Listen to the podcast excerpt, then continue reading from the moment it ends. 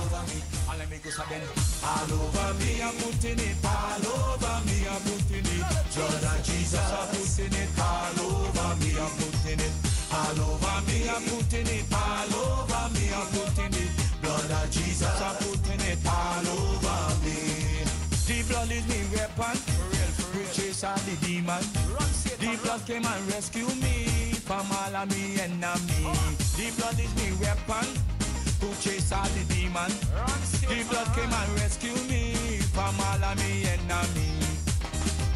I'm putting it all over me. I'm putting it all over me. I'm putting it. Blood of Jesus. I'm putting it all over me. I'm putting it all over me. I'm putting it all over me. I'm putting it.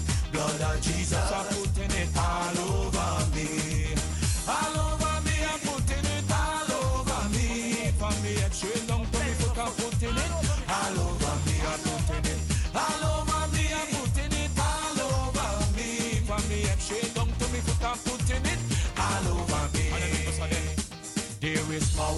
the blood. There is healing in the blood. There is nothing like the blood of Jesus. Power in the blood. There is healing in the blood. There is nothing like the blood of the Lamb. There is power in the blood. There is healing in the blood. There is nothing like the blood of Jesus. Power in the blood. Healing in the blood. There is nothing like the blood of the Lamb. All amigos are then. All over me, I'm putting it. All over me, I'm putting it. Blood of Jesus, I'm putting it. All over me, I'm putting it. All over me, I'm putting it. All over me, I'm putting it. Blood of Jesus, I'm putting it. All over me. All over me, I'm putting it. All over me. From me head straight down to me foot, I'm putting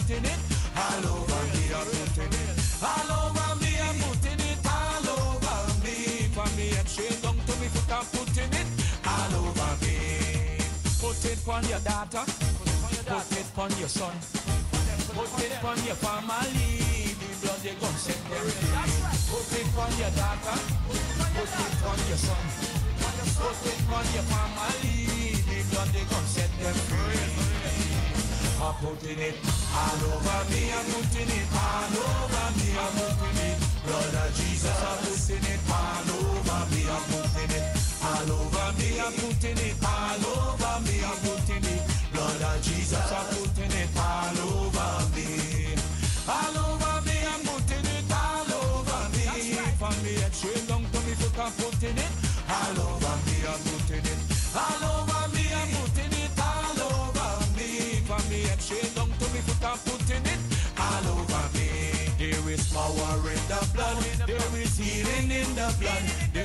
Nothing like the blood of Jesus.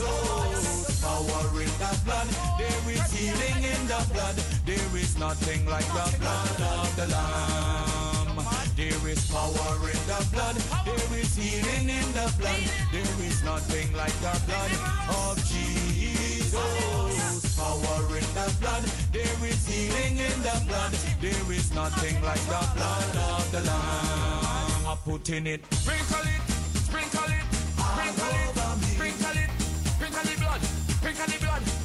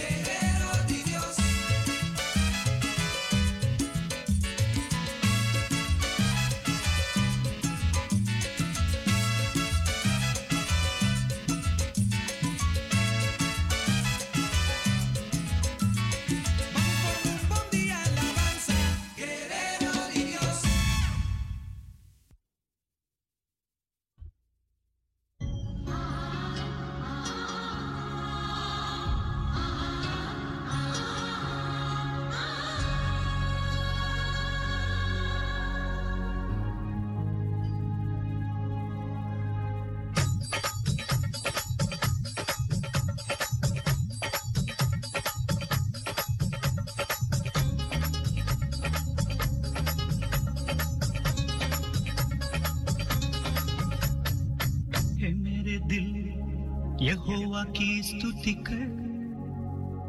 हे मेरे मन, यहोवा को धन्य कर।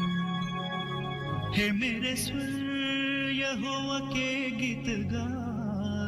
उसके उपकार को भूलना नहीं, उसके उपकार को भूलना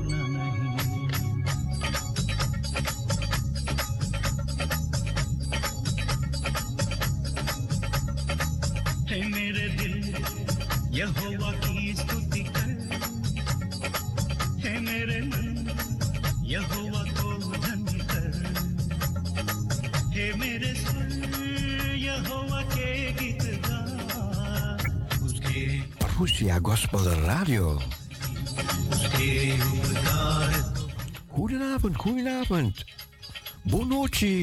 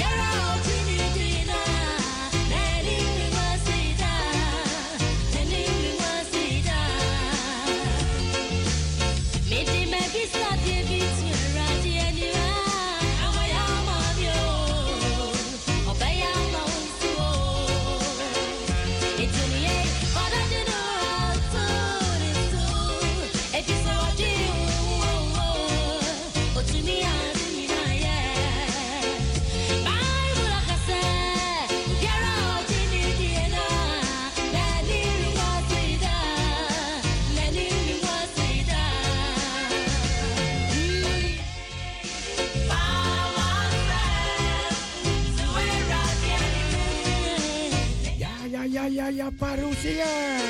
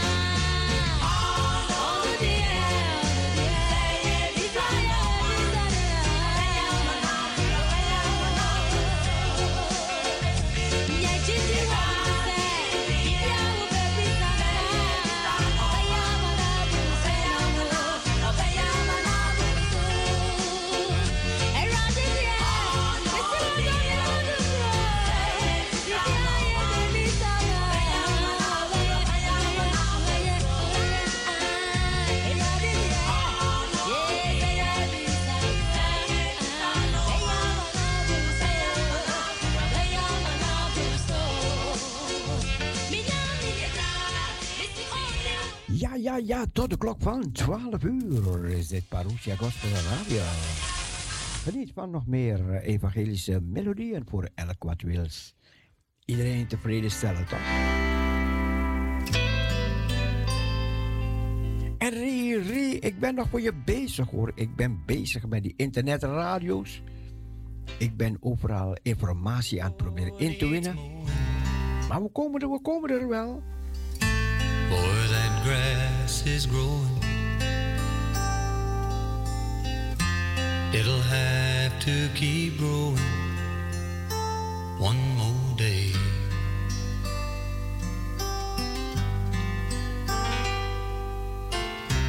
Every minute that telephone rings ought to put so I can have my time to steal away.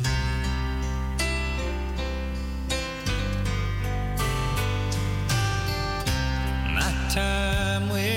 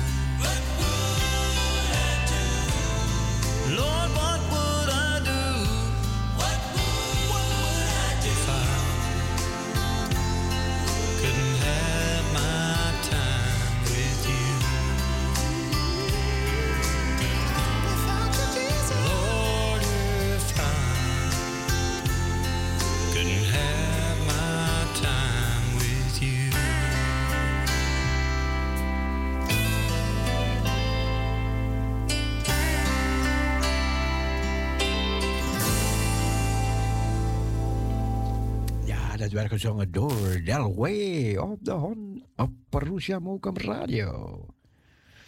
We gaan door, we gaan door tot 12 uur. Wat hebben jullie? Ja, tot 12 uur.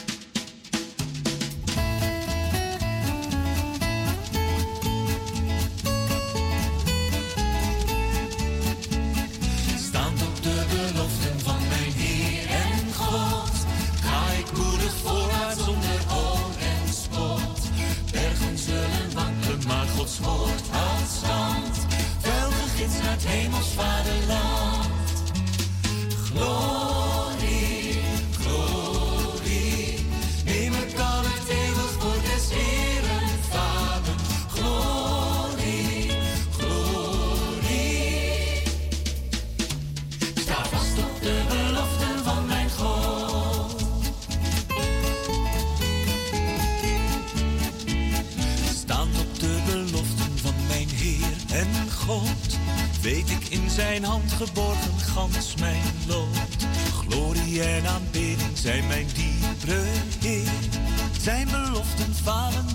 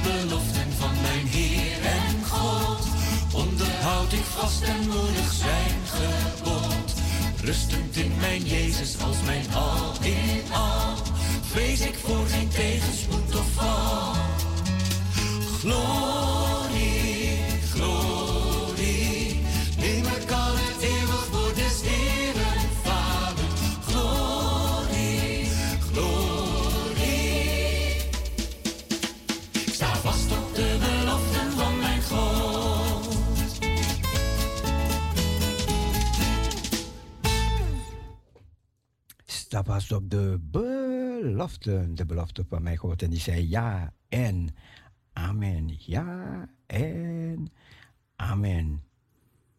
Blijf luisteren naar Parousia Gospel Radio. We gaan door tot 12 uur. Tot 12 uur. We gaan even luisteren naar de schriftlezing. De schriftlezing, ja, die komt eraan.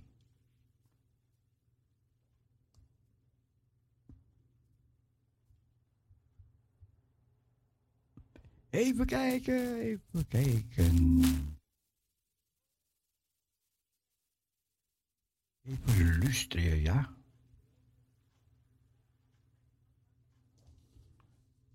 Komt eraan, komt eraan.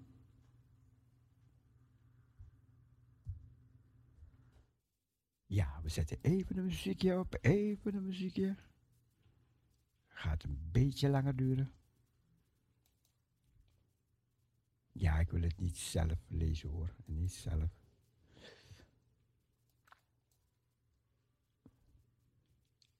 Daarom zetten we even een muziekje op, want anders valt de stilte.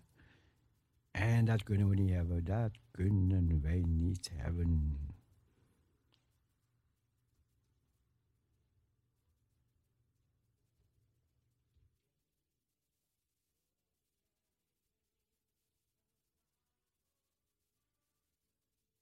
Die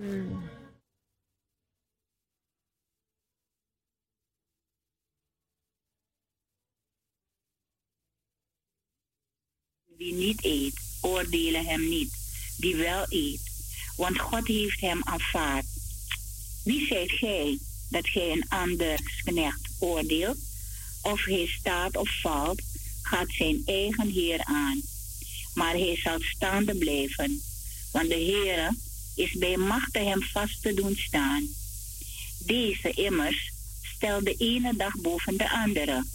Gene stelt ze alle gelijk. Ieder zij voor zijn eigen besef ten volle overtuigd.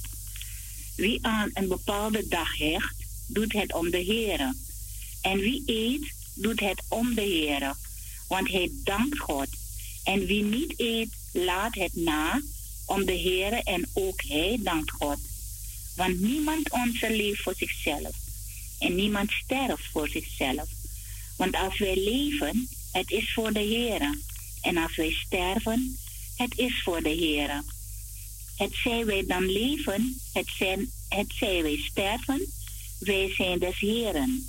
Want hiertoe is Christus gestorven en levend geworden, opdat Hij en over doden en over levenden heerschappij voeren zou. Gij echter, wat oordeelt gij uw broeder?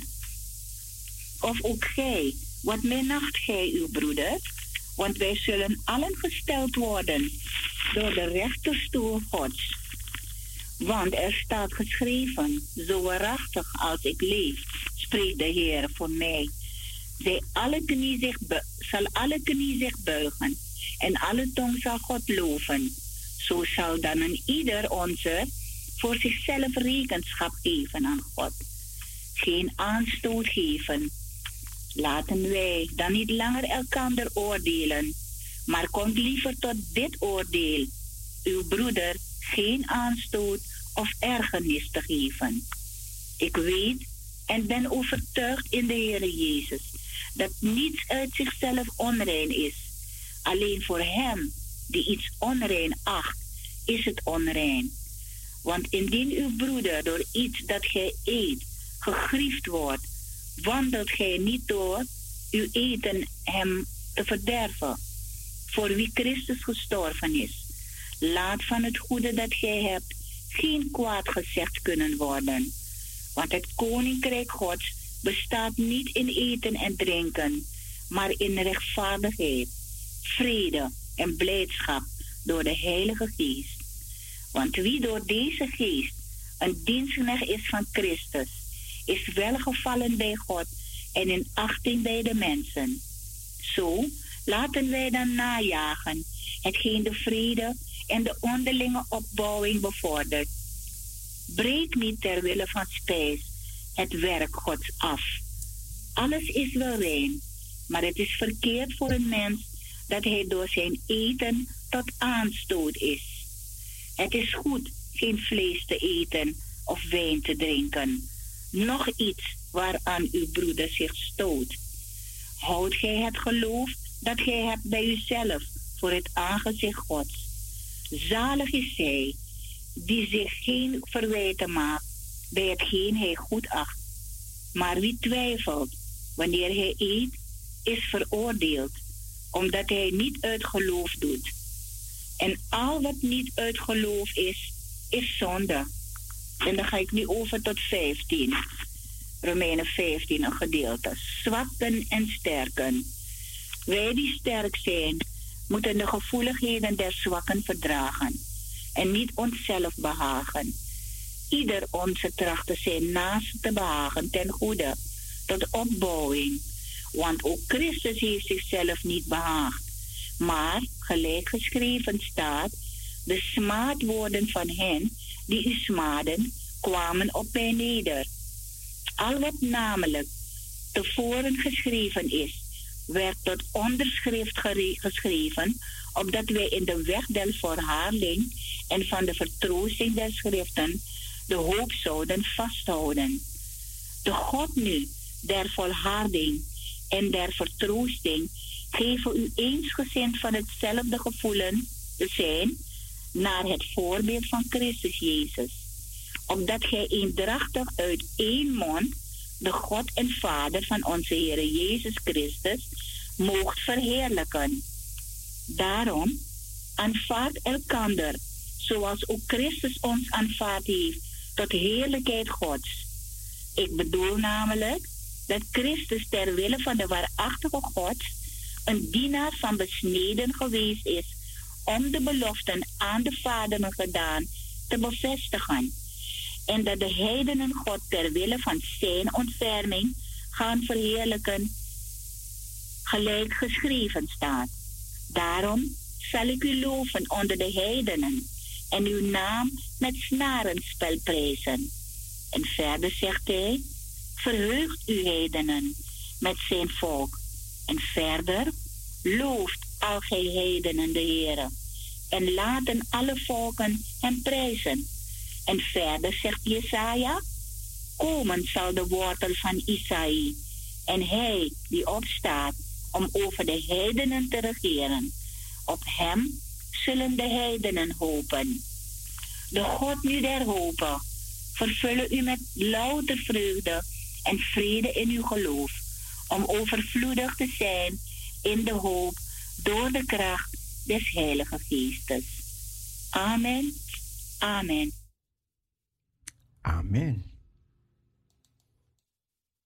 Dankjewel.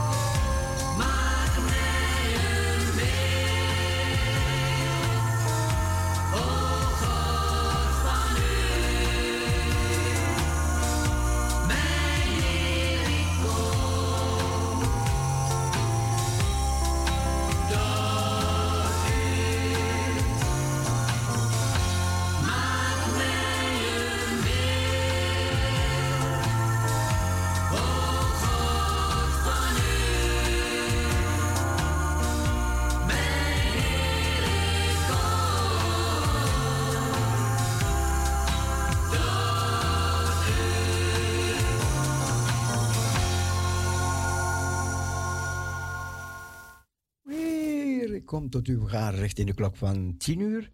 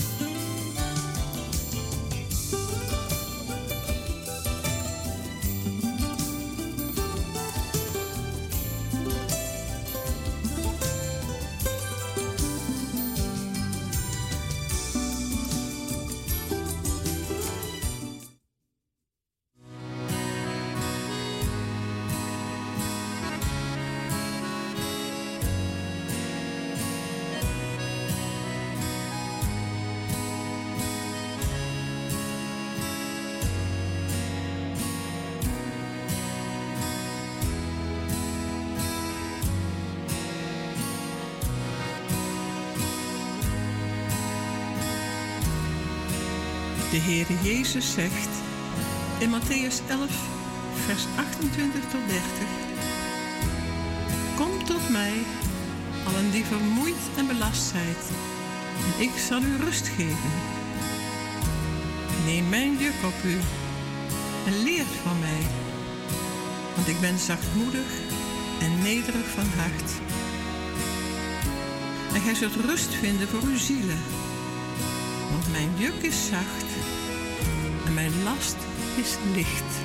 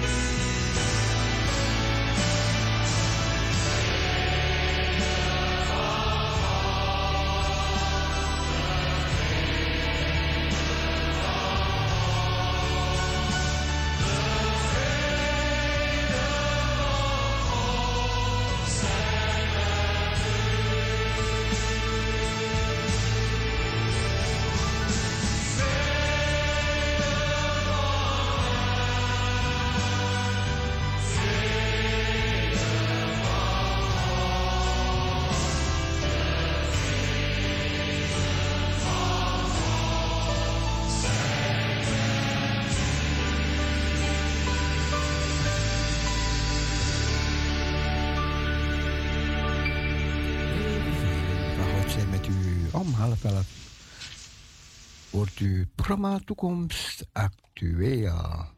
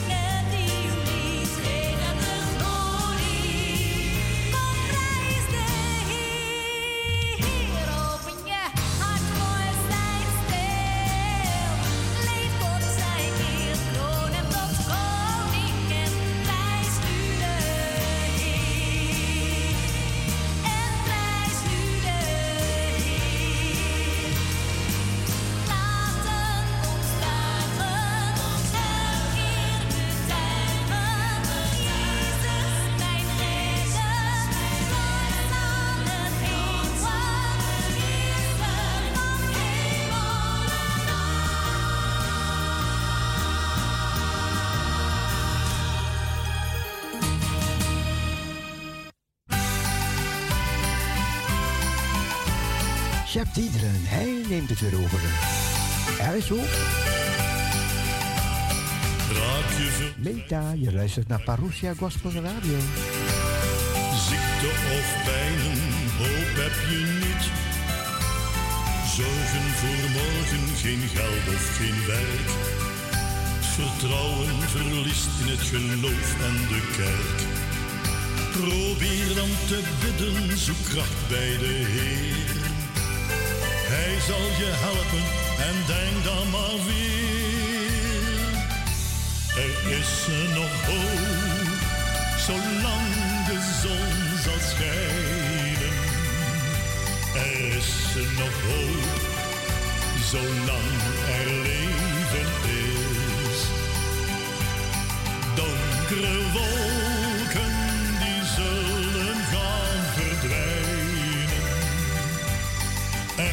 weer vreugde in plaats van droefenis.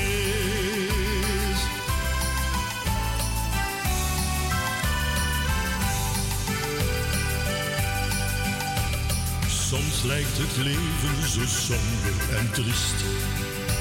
Je weet niet waarheen of waar je voor kiest. Je voelt je zo eenzaam, verlaten, alleen. Gekwetst en ontgoocheld door de mens om je heen. Probeer dan te bidden, zoek kracht bij de Heer.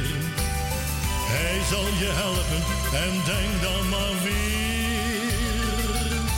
Er is nog hoop, zolang de zon zal schijnen. Er is nog hoop, zolang er leven is.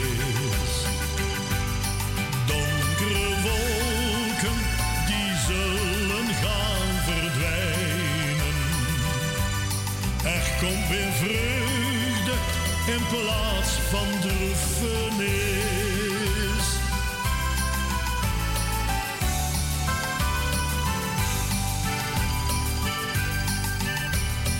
Ruzie, oorlog, terreur en geweld.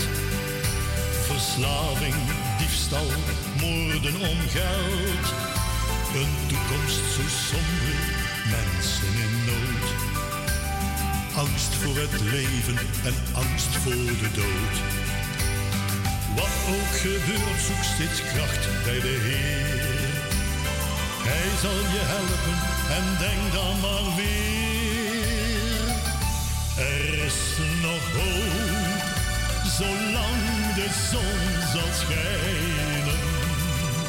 Er is nog hoop, zolang er leven Donkere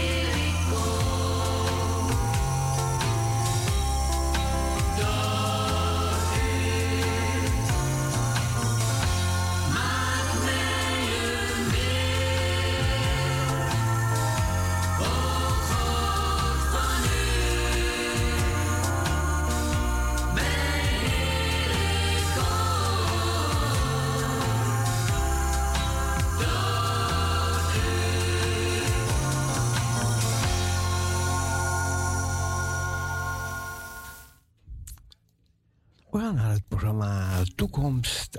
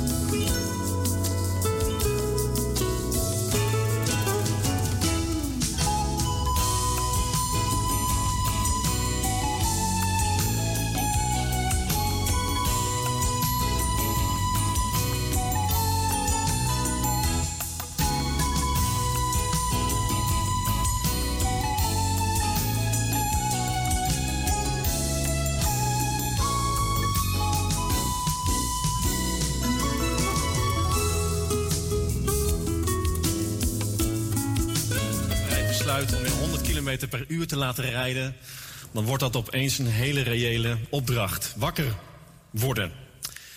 Goedemorgen, Jozua Dordrecht. Hier in de zaal of thuis, daar waar je misschien op de bank zit of nog in bed ligt, of lekker op je telefoon of met stuiterende kinderen om je heen. Het is goed om samen te zijn. Om samen God te ontmoeten, om samen Gods woord te openen. En ik herken wat Jessica zegt. We hebben, eh, de gemeente heeft al een prachtige serie achter de rug. En we gaan ook vandaag weer verder kijken naar een van de bekende verhalen uit ja, de Passieweek, de Passion Week. Er gebeurde ontzettend veel in Jeruzalem. En we kunnen de Heer Jezus op allerlei manieren leren kennen. Door naar die verhalen te kijken. En uh, dat gaan we vandaag ook doen. Ik vind het zo mooi dat uh, Timon of het, het onderwijsteam ervoor gekozen heeft om heel bewust de bril, het perspectief van de discipelen te kiezen. Want de verhalen kennen we vaak wel. En juist door op even op een andere manier naar zo'n Bijbels verhaal te kijken. En uh, na te denken over wat dat voor ons zou betekenen vandaag de dag, kan je helpen om even weer een soort opfrissing van die Bijbelteksten mee te krijgen. Dus hoe kijk je met de bril van de discipelen naar die Jezus? Die man die toch elke keer weer verrast. Die toch elke keer weer anders uit de hoek komt dan je verwacht. Op het moment dat je denkt dat je hem begrijpt, met zijn verhalen en zijn gelijkenissen, dan doet hij weer een wonder. Of het moment dat je denkt dat je weet waarom die dan zou zijn gekomen, zegt hij weer iets totaal anders. En ik vind dat zo mooi. Er is een theoloog die noemt dat het koninkrijk van ondersteboven. Die upside down kingdom. Het boodschap, het evangelie van het koninkrijk, wat altijd anders is. De eerste zullen de laatste zijn. Ben je de leider, ben je de dienaar. Ik noem je geen slaaf, ik noem je vriend. Altijd dat omgekeerde. Vandaar dat het zo'n goed idee is om vandaag ook in deze tekst, Marcus hoofdstuk 14, vers 32 tot 42, samen te lezen met dat idee. Wees wakker.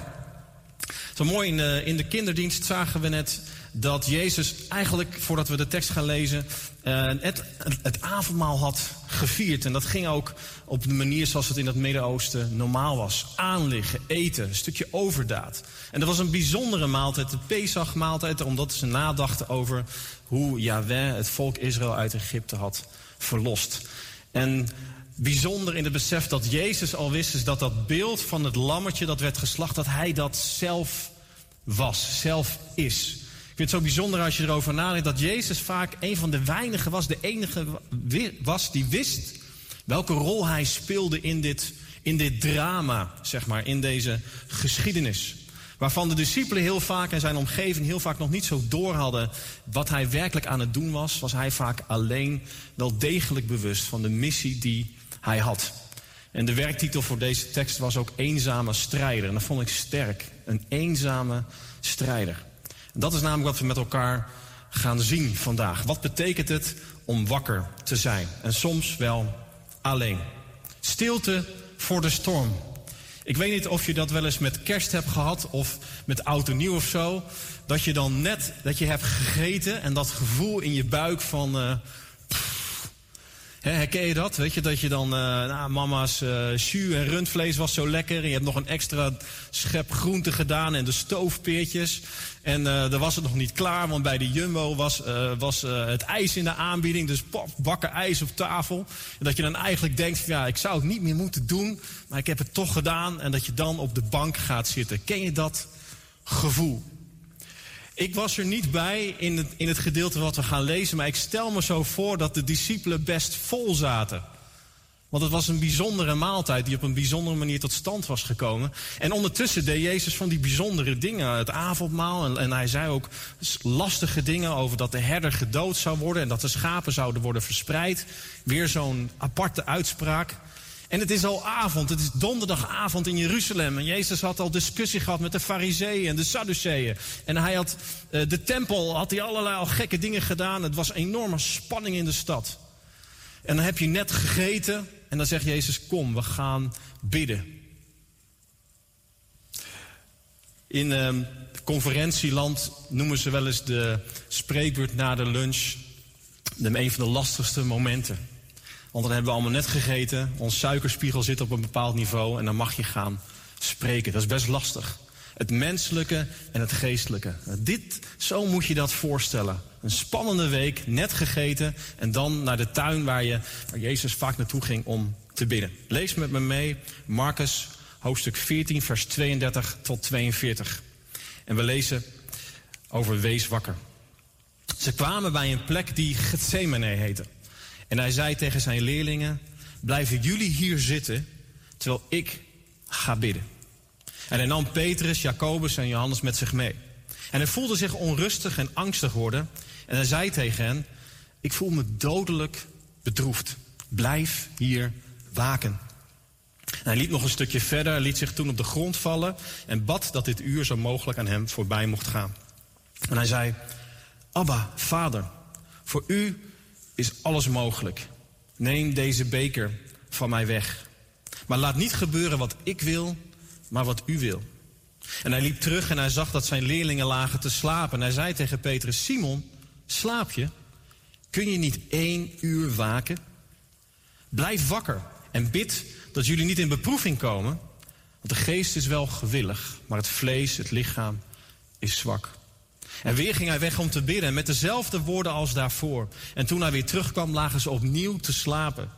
Want hun ogen vielen steeds dicht en ze wisten niet wat ze hem moesten antwoorden. En toen hij voor de derde maal terugkwam, zei hij tegen hen: Liggen jullie daar nog steeds te slapen en te rusten? Het is zover. Het ogenblik is gekomen waarop de mensenzoon wordt uitgeleverd aan de zondaars.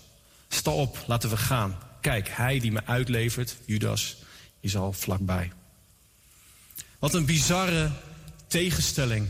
De slaperige discipelen en Jezus die door een van de moeilijkste gebedsmomenten van zijn leven gaat. Een eenzame strijder die aan zijn discipelen vraagt: wees wakker. Het is het Marcus-evangelie, een van de oudste evangeliën uh, die we kennen. En ook Lucas en uh, de andere evangelisten hebben waarschijnlijk zijn tekst gebruikt om de verhalen van Jezus op hun manier door te geven. En Marcus is to the point. Marcus, het boek Evangelie van Marcus is een eenvoudig boek in het Grieks. Het was gewoon dit verhaal, dit verhaal, dit verhaal en dit is wat ik wil zeggen. En uiteindelijk zie je dat Marcus heel veel aandacht geeft aan die laatste week en met name dit soort momenten in de Bijbelse geschiedenis rondom Jezus en zijn dood en opstanding. Dit is ook waarschijnlijk het evangelie wat Petrus aan Marcus vertelde. En Johannes Marcus reisde ook met Barnabas mee en, Pe en Paulus. Dus het waren de verhalen van de eerste kerk, van de apostelen. Dat vind ik altijd fijn om te weten. En deze eenzame strijder, deze tekst wil ons vandaag volgens mij drie lessen, drie aspecten aanreiken. En dat ga ik je vandaag ook meegeven. En dat zijn deze drie dingen. Deze drie dingen. Zie wat Jezus ziet. Wil wat Vader wil. En doe wat Jezus doet in de kracht van de geest. Zie, wil, doe. Zie wat Jezus ziet. Ik vraag me af of de discipelen heel veel zagen van wat Jezus zag. Ik heb de indruk dat ze nog steeds niet zo goed begrepen wat hij nou eigenlijk wilde doen en waarom ze in Jeruzalem waren. Maar wel waren ze bedroefd, zegt de tekst. Wel waren ze uh, steeds meer uh, gaan zien dus dat hij het lastig had, dat hij het moeilijk had. Maar waar ze zich vooral mee bezig hielden is wat ze zelf lastig vonden, namelijk wakker blijven. En we zien eigenlijk een soort, in, in het nadenken over wat Jezus nou eigenlijk zag, zien we daar die eenzame strijder. En er staat, hij nam Petrus, Jacobus en Johannes met zich mee. En hij voelde zich onrustig en angstig worden. In vers 33. Dat is interessant, hè? dat zie je in de Bijbel heel vaak in de evangelies. Dat Jezus, hij had de twaalf, de drie en de één. Johannes en dan die drie discipelen en dan de twaalf. Er was wel degelijk een soort plan wat Jezus had. Jezus was zijn leiders, ergens anders worden ze steunpilaren genoemd, van de eerste kerk aan het oprichten aan het meenemen. Hij was ze aan het trainen. En dat deed hij vooral zoals een goede rabbi dat zou doen door het voor te leven. Do first, then teach. Leef het en geef het door. En dat deed Jezus ook. Dus het is bijzonder dat hij toch vanuit zijn groep discipelen, discipelen zijn schooltje, de mensen aan wie hij uh, ja, zijn, zijn, zijn, zijn leven, zijn ideeën doorgaf, dat hij die drie apart zet. Dus het was zeg maar de negen en toen de drie. Hij wilde graag die mensen dichtbij. Hij had ze nodig, de drie.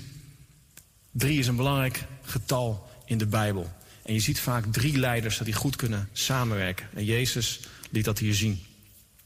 En het idee was van het waken, maar vooral dat ze ook een beetje op de uitkijk zouden zijn. Want Jezus wist natuurlijk al wat er ging gebeuren. Dus het waken, de vraag die hij stelt van waak, was dus niet van ga maar slapen en zie maar wat je doet. Ik begrijp dat je moe bent en dat het een lastig moment is, maar let op wie er aankomt.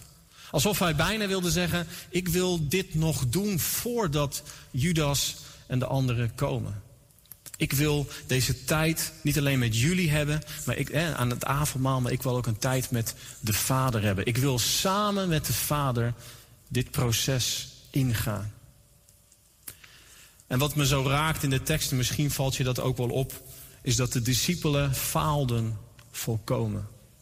In drie jaar training, in zoveel wonderen en tekenen, zoveel tijd met elkaar, lukte het hen nog steeds niet om mee te kunnen gaan in de diepte van waar Jezus hen in uitnodigde.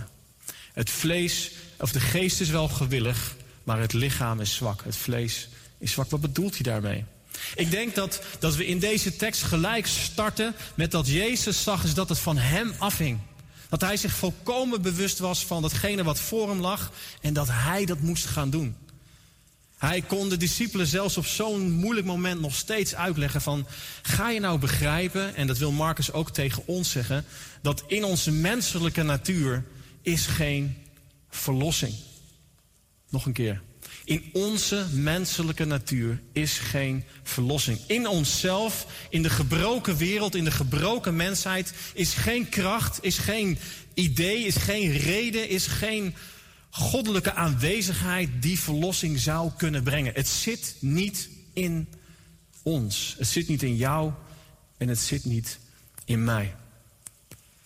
En natuurlijk probeerden de discipelen het wel. Natuurlijk probeerden ze hem wel te begrijpen. Natuurlijk waren er momenten dat ze mee konden gaan en dat ze in zijn kracht wonderen en tekenen deden. En dat ze eh, af en toe iets lieten zien dat ze het een beetje begonnen te begrijpen van het koninkrijk van God. Maar Jezus is hier heel scherp. Je hart zal er misschien wel naar uitgaan, maar je leven laat zien dat je worstelt met je oude natuur. En dat zien we natuurlijk in de Bijbel in het Nieuwe Testament heel vaak. Is dat ook de apostel Paulus daarop ingaat. We moeten, eh, Chris Valentin, een van de voorgangers van Battle Church in Reading, heeft dat wel eens gezegd en dat raakte mij. Hij zegt: We moeten eens stoppen met onze oude mens te proberen op te richten. Laat de oude mens aan het kruis. Laat, erken gewoon dat je het in jezelf, in je mens zijn, niet hebt, datgene wat God wil doen. Maar sterf aan jezelf, zodat Christus in je kan opstaan. Erken dat je geest wel wil, maar je lichaam het niet heeft. En laat dan de Heilige Geest het doen. En dit is het stukje openbaring wat natuurlijk voor ons interessant is, maar toen zo nieuw was. Want het werd wel verwacht van de wet. Het werd wel verwacht van de werk. Het werd wel verwacht van de mens. En de, en de overwinning over de Romeinen in menselijke kracht. En Jezus spreekt hier heel profetisch. Dat de verlossing die er aankomt, gaan jullie niet brengen. Maar wat hij hen wel gaf, was een moment om te leren te kijken naar hem. Dus stel je voor, je hebt je vrienden nodig. Die zijn er niet. Je hebt een van de moeilijkste gebedsmomenten van je leven. En er staat er, ik was dodelijk bedroefd. De eenzame strijder was dodelijk bedroefd. En, we, moeten goed begrijpen, Jezus was geen, geen slachtoffer van wat hem allemaal overkwam. Laat, laat die gedachten nooit in je overtuiging komen. Jezus koos zelf voor deze weg. Niemand legde hem dat op. Het was zijn eigen keuze om zijn leven af te leggen, zegt de Bijbel, en het weer op te pakken. Het was geen verrassing, het was zijn keuze. En als je naar het Grieks kijkt, over dat, Grieks kijkt naar dat dodelijk bedroefd zijn, dan gaat dat niet zozeer over het slachtoffer zijn, maar dan gaat het er vooral over de strijd, de spanning. Alles kwam bij elkaar. Jezus zag iets wat de discipelen nog niet zagen. Jezus zag een werkelijkheid. Hij zag het lijden, het pijn, het verdriet. Hij zag alle moeite, alle zonde, al datgene wat hij moest gaan doen, alle lichamelijke geweld, alle vernedering. Hij heeft het goden gelijk zijn niet als een roof geacht, maar hij heeft zijn leven afgelegd in de gestalte van een knecht, Filippenzen 2, zoiets staat daar. Hier laat Jezus zien wie hij echt is. Hij streed voor ons. Hij zag de prijs die hij moest betalen. En dat voelde, hij voelde daarin de spanning zien wat Jezus ziet. Voor ons vandaag de dag is dat ook interessant, want je kunt je ook afvragen: wat zou Jezus vandaag zien? Wat is vandaag de dag het perspectief van de opgestane zoon van God naar onze omstandigheden? Hoe kijkt hij naar onze werkelijkheid? Naar onze politieke situatie? Naar misschien de worstelingen die jij hebt? Naar de gebrokenheid? Naar de strijd misschien wel in ons leven? Waarin wij nog steeds moeten erkennen: we willen het eigenlijk wel, we willen het goede doen. Maar we komen die gebrokenheid in onszelf tegen. We kunnen het eigenlijk niet zelf. Er is een voorganger in de Verenigde Staten, die man heet Jeff Krell, en die heeft een boek geschreven dat heet Roadkill Seminary. En het is eigenlijk een boek wat alleen maar over gaat, is dat voordat je daadwerkelijk in Jezus opstandingskracht kunt functioneren, dat je mag sterven aan jezelf. En zijn punt is eigenlijk dat we in de gemeente te weinig elkaar helpen om te sterven aan onszelf. Dat we te weinig met elkaar spreken over het zit niet in ons. Hier zit de verlossing niet in. Het diepe besef dat we met elkaar mogen begrijpen dat wij zelf onszelf niet kunnen verlossen. En oh wee, hoeveel christenen proberen het toch niet allemaal zelf nog steeds te doen voor God. Terwijl Hij zo graag ons wil laten zien, ik weet al lang dat het niet in jou zit. Kijk maar naar wat ik je in Marcus heb willen laten zien.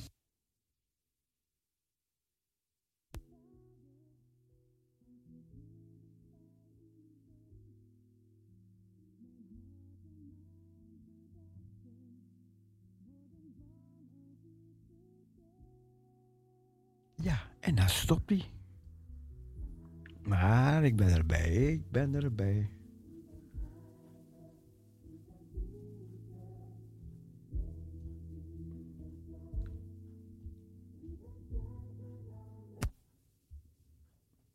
Sterven aan onszelf. Datgene van wat Jezus voor ogen had. Laat mij maar leiden, dan kan ik jou vrijspreken. Dat is wat hij zag. En dat was de worsteling. Dat was het diepste wat in zijn ziel gebeurde. Hij was diep bedroefd. Nou, dan naar de discipelen, die dat allemaal zien, maar nog steeds niet zo goed begrijpen. Um, waarom zegt Jezus nou eigenlijk van bid dat je niet in beproeving komt?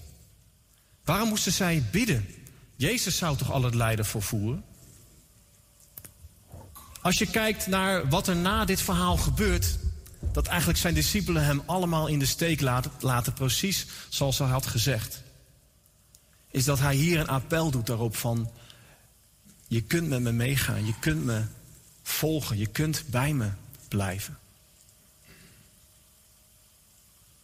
Eigenlijk alsof het menselijk falen zichtbaar mocht worden. En alsof ze mogen gaan begrijpen van ik heb het niet van mezelf. Bid dat je niet in beproeving kwam. Word bewust van datgene wat je niet kunt. De geest is wel gewillig, maar het vlees is zwak. Weet je wat hier zichtbaar wordt? Dat beschrijft ook de Hebreeën schrijver in hoofdstuk 4, vers 15. Jezus is beproefd, maar hij zondigde niet. Zo kon hij ons kracht en vrijheid geven. Genade is geven. De Vader wil je geven. Het is gratis. Je mag je afkeren van het oude en je mag het nieuwe ontvangen en uitleven. Waarom? Omdat Jezus werd beproefd, net zoals wij. Hij is een hoge priester die met onze beproevingen kan meeleven. Maar hij zondigde niet. De duivel had aan hem niks. Hij was volledig vrij. En hij deed dit omdat hij ervoor koos. Met jou in je hart. Zie je wat Jezus ziet? Zie je als je de gebrokenheid in je buurman of buurvrouw tegenkomt, of in je collega, of in jezelf, zie je dan wat Jezus ziet? Als je nadenkt over onrecht in Dordrecht, zie je dan wat Jezus ziet? Als je het, het gemanipuleren, het gekrakeel in de, rondom de Tweede Kamer, rondom de macht ziet, zie je dan wat Jezus ziet? Mag Hij je menselijke bril afzetten en mag Hij jou zijn perspectief geven? Mag Hij jou de geest van wijsheid en openbaring geven, je de ogen openen, zodat je gaat zien wat Hij ziet? Want Jezus zag het lijden en de prijs. En daarin werd zijn liefde zichtbaar. En om te kunnen voelen en om te kunnen bewegen, om te kunnen gehoorzamen, is het belangrijk dat we zien wat Jezus ziet. En dit is lastig. Want de Bijbel zegt toch ook van je vrienden houden is niet zo moeilijk, maar van je vijanden houden, dat is heel wat anders. Iemand die zo totaal anders is als jij. Iemand die, die uh, op een andere manier denkt, praat, naar de wereld kijkt. Kun je dan ook lief hebben? Zie je wat Jezus ziet. Weet je waar ik zo enthousiast over word als ik zing? En het, vanochtend ook weer.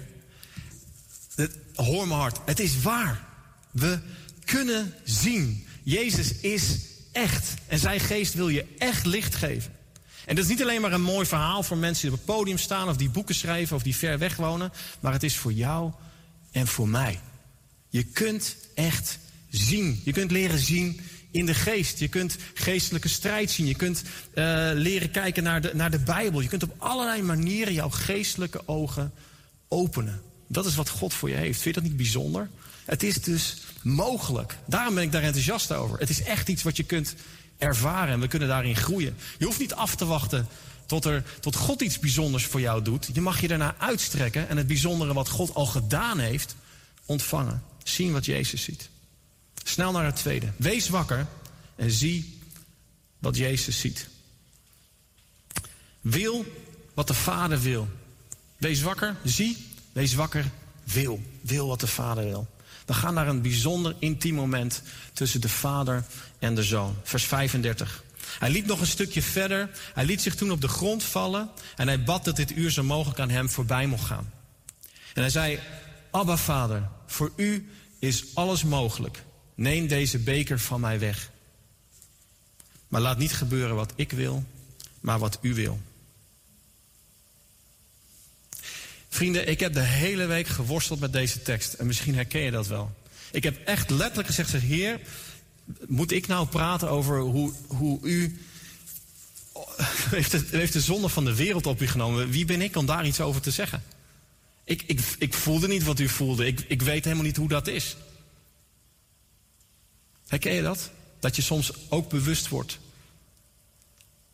met wie je eigenlijk praat, wie je in de tekst tegenkomt. Abba, vader, voor u is alles mogelijk. Neem deze beker van mij weg, maar laat niet geschieden wat ik wil, maar wat u wil. Dit is het verschil met de mens. Dit is de mens Jezus die een rationeel besluit neemt om voor Gods wil te kiezen. Als je naar de grondtekst kijkt, naar het Grieks, dan kun je willen op een emotionele manier beschrijven, maar dat is niet wat hier staat. Hier staat een wilskeuze eh, vanuit het denken. Hier staat een man onder grote druk, de zoon van God, de redder van de wereld, die ervoor kiest om al het lijden te ondergaan. Hij maakt een wilskeuze. In Filippenzen 2, vers 7 staat dit. En als mens verschenen heeft hij zich vernederd en werd gehoorzaam tot in de dood. De dood aan het kruis. Hij heeft zich vernederd en werd gehoorzaam tot in de dood. Weet je, in de tekst zien we dat Jezus hier knielde. En knielen was in die cultuur helemaal niet normaal. Hij knielde als een Daniel. Hij knielde als een David. Hij knielde als een aanbidder. Als iemand die zei, ik geef me helemaal over. Knielen. De discipelen hadden denk ik geen flauw idee waar hij doorheen ging. Voor u is alles mogelijk. Dit is niet een angstuitspraak, dit is een geloofsuitspraak. Dit is een uitspraak van Jezus die de Vader kent. En ervoor kiest om toch gehoorzaam te zijn. Ondanks dat hij dit liever ook niet had gedaan. Is er een andere weg? Nou, theologisch kun je daar natuurlijk allerlei vragen over stellen. Was er een andere weg? Hoe zit dat dan? Ik weet het niet. Volgens mij moet je hier vooral het hart van Jezus horen. Het laat zien hoe moeilijk hij het had, hoe diepe spanning en strijd hij ervoer. Allemaal met jou en mij in gedachten. En dan zegt Paulus zo mooi over hem in Filippenz, hij werd gehoorzaam tot in de dood. Zelfs in het meest moeilijke moment, in het meest zwakke moment, in het moment waarin elk mens zou falen, liet God zien dat hij God was. En dat hij niet zondigde. Dit is de openbaring van de Zoon. Jouw God, jouw koning, jouw redder. Ik hou jou vast. Ik worstel voor jou. Ik ben gehoorzaam. Willen wat de Vader wil. Dit is wat we spannend vinden. We willen vaak nog wel zien wat Jezus ziet. En dan het liefst de hemelse dingen, de mooie dingen. Dat moet je ook doen. Volg het verlangen van je hart. Dat is prachtig. Maar dat wil niet zeggen dat je soms in situaties komt. waarin de Vader ook van jou vraagt. Om te willen wat Hij wil. Vaak voel je het wel in jezelf, wanneer je eigenlijk in je geweten, in je geest wordt uitgenodigd om ja te zeggen, tegen iets, maar dat je hele systeem zegt en alles in je zegt nee. En die worsteling, herken je dat? Dat, dat spannende in jezelf, dat je merkt van, pff, dat is ingewikkeld zeg. Gehoorzaamheid uh, heeft ook echt wel te maken met het sterven aan jezelf. En ik heb hier wel vaker verteld natuurlijk dat uh, dat kan te maken hebben met uitstappen als evangelist of zo. Dat is altijd een soort momentje van sterven aan jezelf. Maar het kan ook te maken hebben met het geven van giften. Het kan ook te maken hebben met als er ruzie in je familie is en dat jij de eerste bent die de uitnodiging doet om het weer goed te maken. Heb ik ook wel eens gehad. Alles in je zegt, hey, er moet straf komen, rechtvaardigheid, en er moet, eh, er moet gewoon goed en fout. En, en je merkt in jezelf, hé, hey, er klopt hier iets niet. Dit is mijn oude natuur die spreekt. Want ik kom van het andersom koninkrijk. Waar degene die gekwetst is de eerste stap neemt om het weer goed te maken. En oeh, wat kunnen we daarmee worstelen. En oeh, wat is dit een onzin en licht als je stilstaat bij wat Jezus voor mij heeft gedaan en voor jou heeft gedaan. Gehoorzaam tot in de dood. Jezus wilde de beker ook niet. De beker waarvan wij ons denk ik niet eens kunnen voorstellen hoe moeilijk dat was. Vraag het hem maar eens, zou ik bijna zeggen, broer, zus, in het samen discipel zijn. Misschien moet je het maar eens aan de Heer Jezus vragen als je het durft.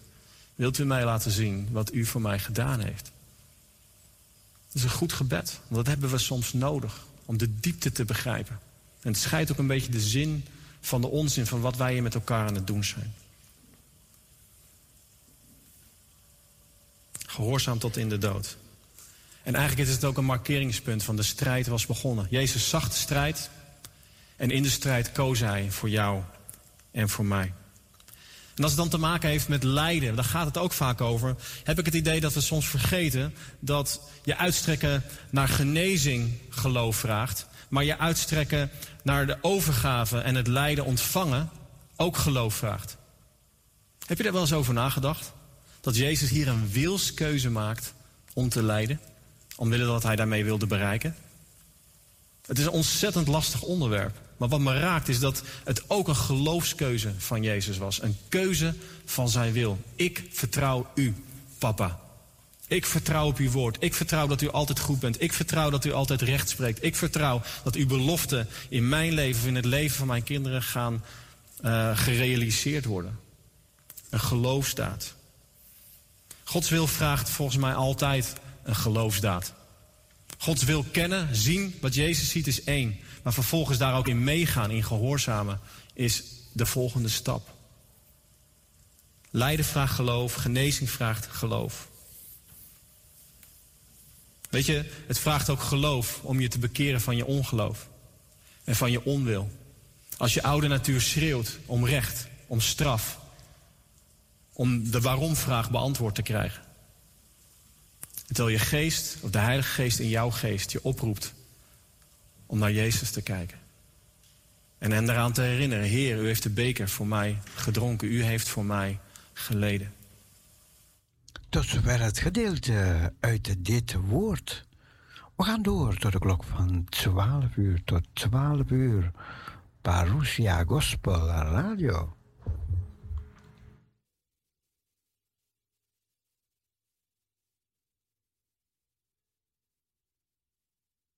Bye.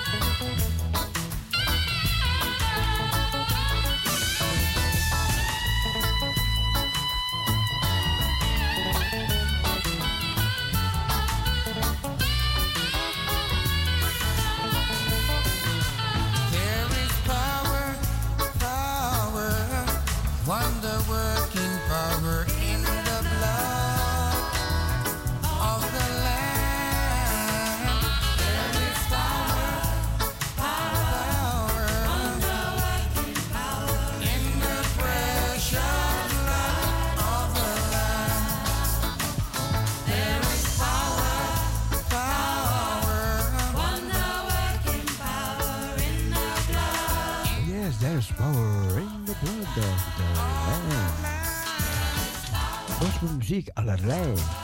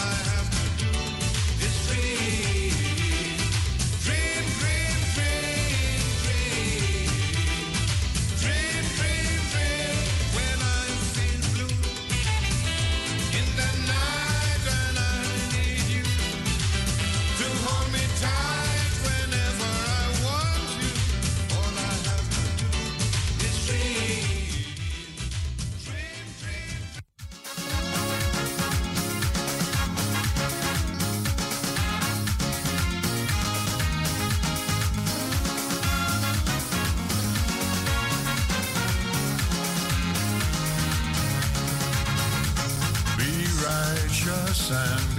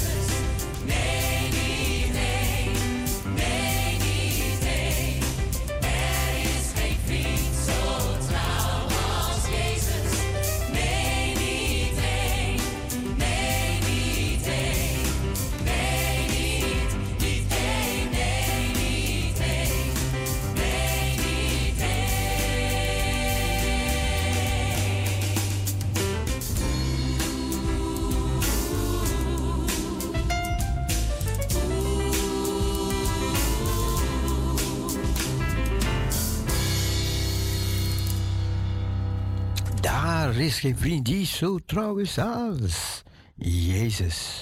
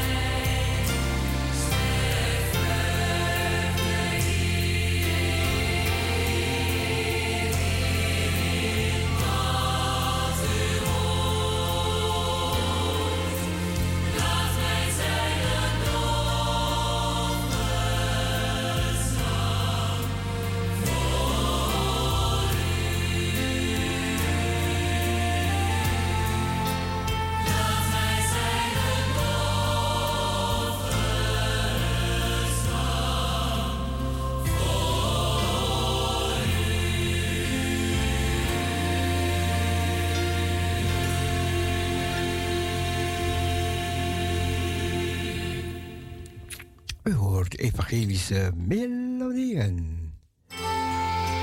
U luistert ook naar het liedje Laat u glorie op aarde zien.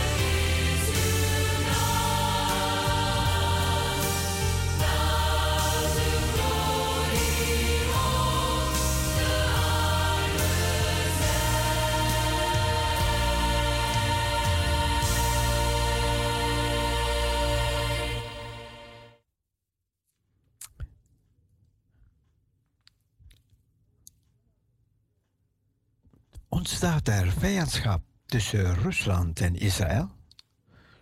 We doen ons best, maar Rusland heeft de grens overschreden, zei de Israëlische minister van Buitenlandse Zaken. Ondanks Israël inspanningen om vriendschappelijke voet te blijven met Rusland, lijken de twee naties nu een weg ingeslagen te zijn die verstrekkende gevolgen zouden kunnen hebben.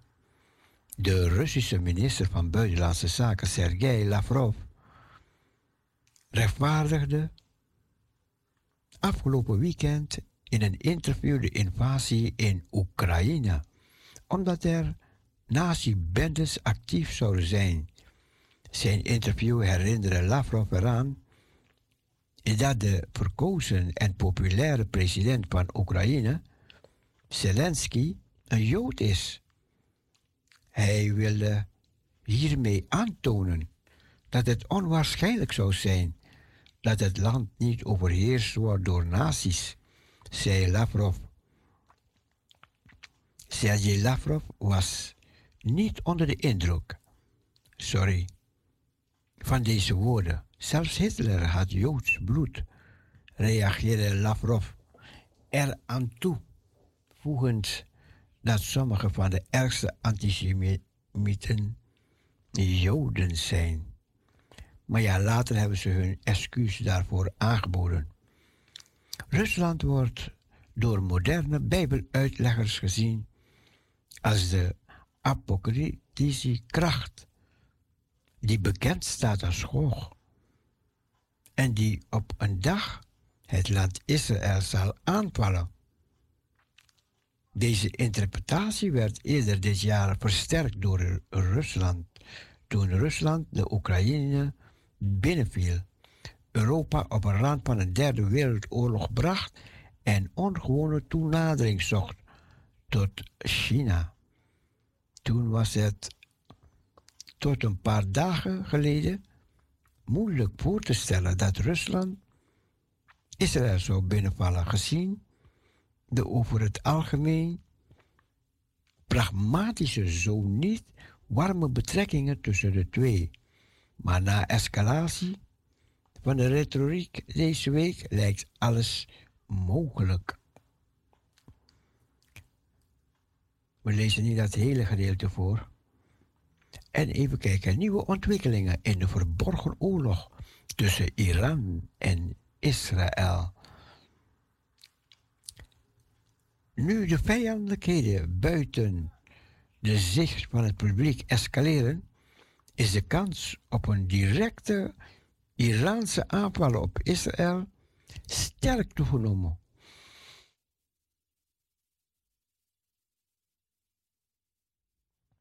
Terwijl de onderhandelingen over een mogelijke nieuw of herzien nucleaire akkoord met Iran in een impasse zijn geraakt, lijkt het erop dat de verborgen oorlog tussen Israël en Iran verder escaleert.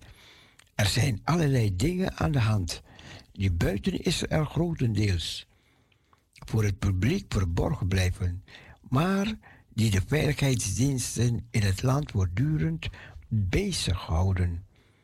De verborgen oorlog tussen Israël en Iran is in de afgelopen maand in hevigheid toegenomen. Israëlische gevechtsvliegtuigen hebben bijvoorbeeld zondagnacht laat Iraanse doelen gebombardeerd in Syrië, vlak bij de grens met Irak. Het was de derde Israëlische aanval op de Iraanse doelen in Syrië. In iets meer dan een week. Eerder gebruikte het Israëlische leger raketten om Iraanse doelen in de buurt van Damascus te vernietigen.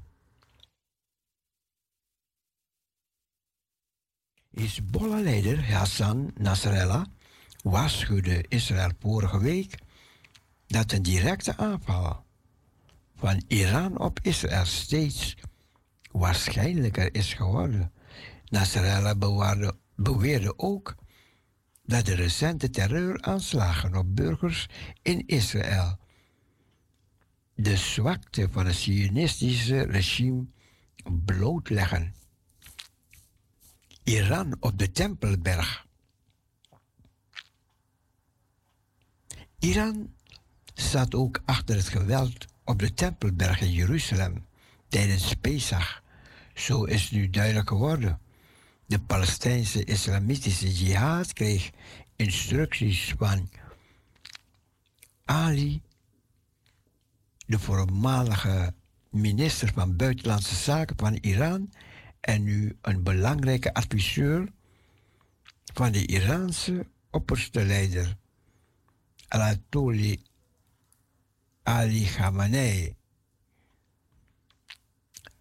Tijdens een telefoongesprek tussen de partijleider, adviseur dat Pij alles moest doen om de complotten tegen de onderdrukte Palestijnse volk te verijdelen.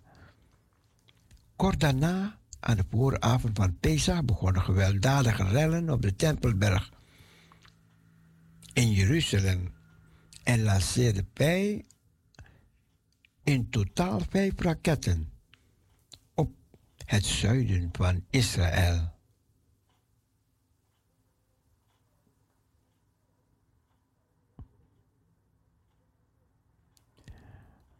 Ik sla een hele stuk over en een laatste gedeelte lees ik nog. Ondertussen heeft het internationale atoomschap gemeld dat Iran in Nantes een ondergrondse productielijn heeft geopend voor productie van centrifuges voor uraniumverrijking. Een deel van deze productielijn is afkomstig van de nu gesloten nucleaire installatie, die eerder doelwit was van sabotage door Mossad. Uit de laatste rapport blijkt dat Iran de onderhandelingen in Wenen alleen gebruikt om tijd te winnen. Volgens berichten in Israëlische media heeft Iran nu genoeg uranium tot 60% verrijkt om binnen korte tijd een atoombom te bouwen. Dezelfde berichten benadrukken dat het verder verrijken van uranium van 60% tot 90% die nodig is voor de productie van kernwapens slechts een paar weken duurt.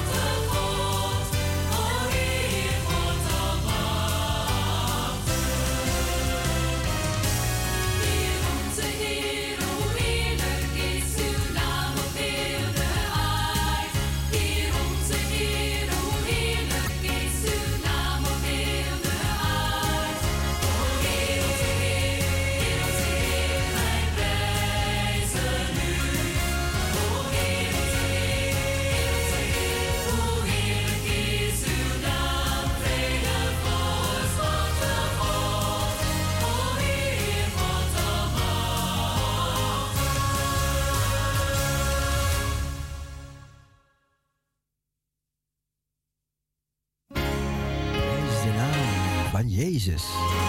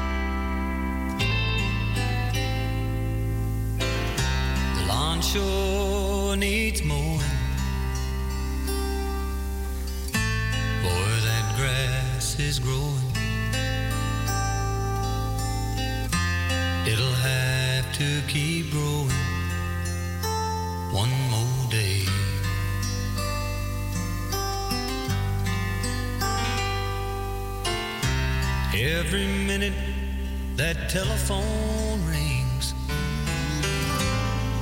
Ought to put on my answer machine so I can have my time to steal away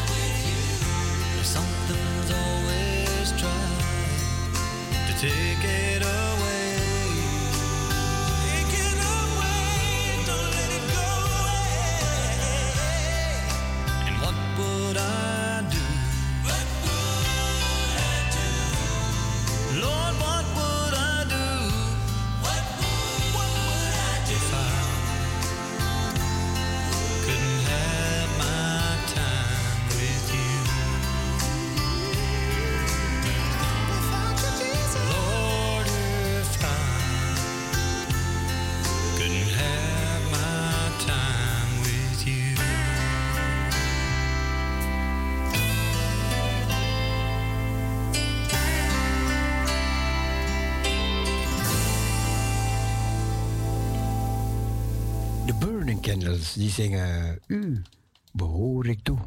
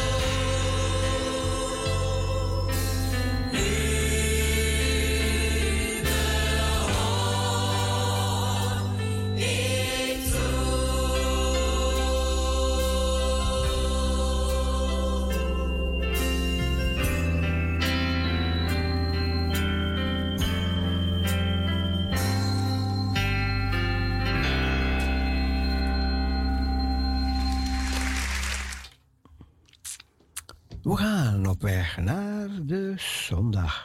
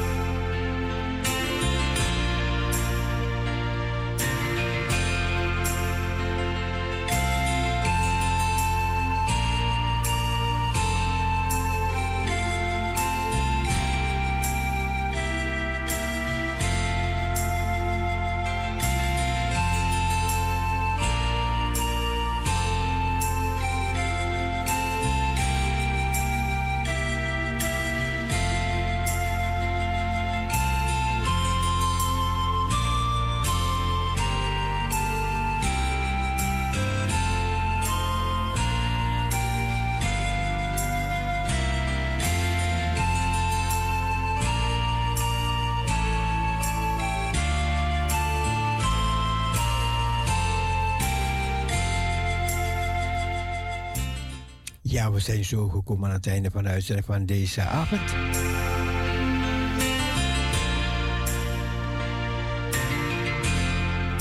We gaan bidden voor de week die voor ons ligt. Heer, we dragen de week die voor ons ligt aan u op.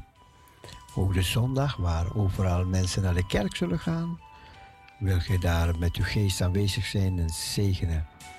We bidden ook de mensen thuis, in het ziekenhuis en overal waar mensen zijn die pijn, moeite, ziekte of wat dan ook hebben, dat u ze nabij bent en geneest, Heer, want dat kan u. In Jezus' naam zegenen wij elkaar en danken u voor de afgelopen week. Glorie voor uw heilige naam. We bidden voor de mensen in Oekraïne en Rusland waar er verdriet en angst en pijn en zorg is. Zegen, heilig en bescherm, Vader, in Jezus' naam. Amen.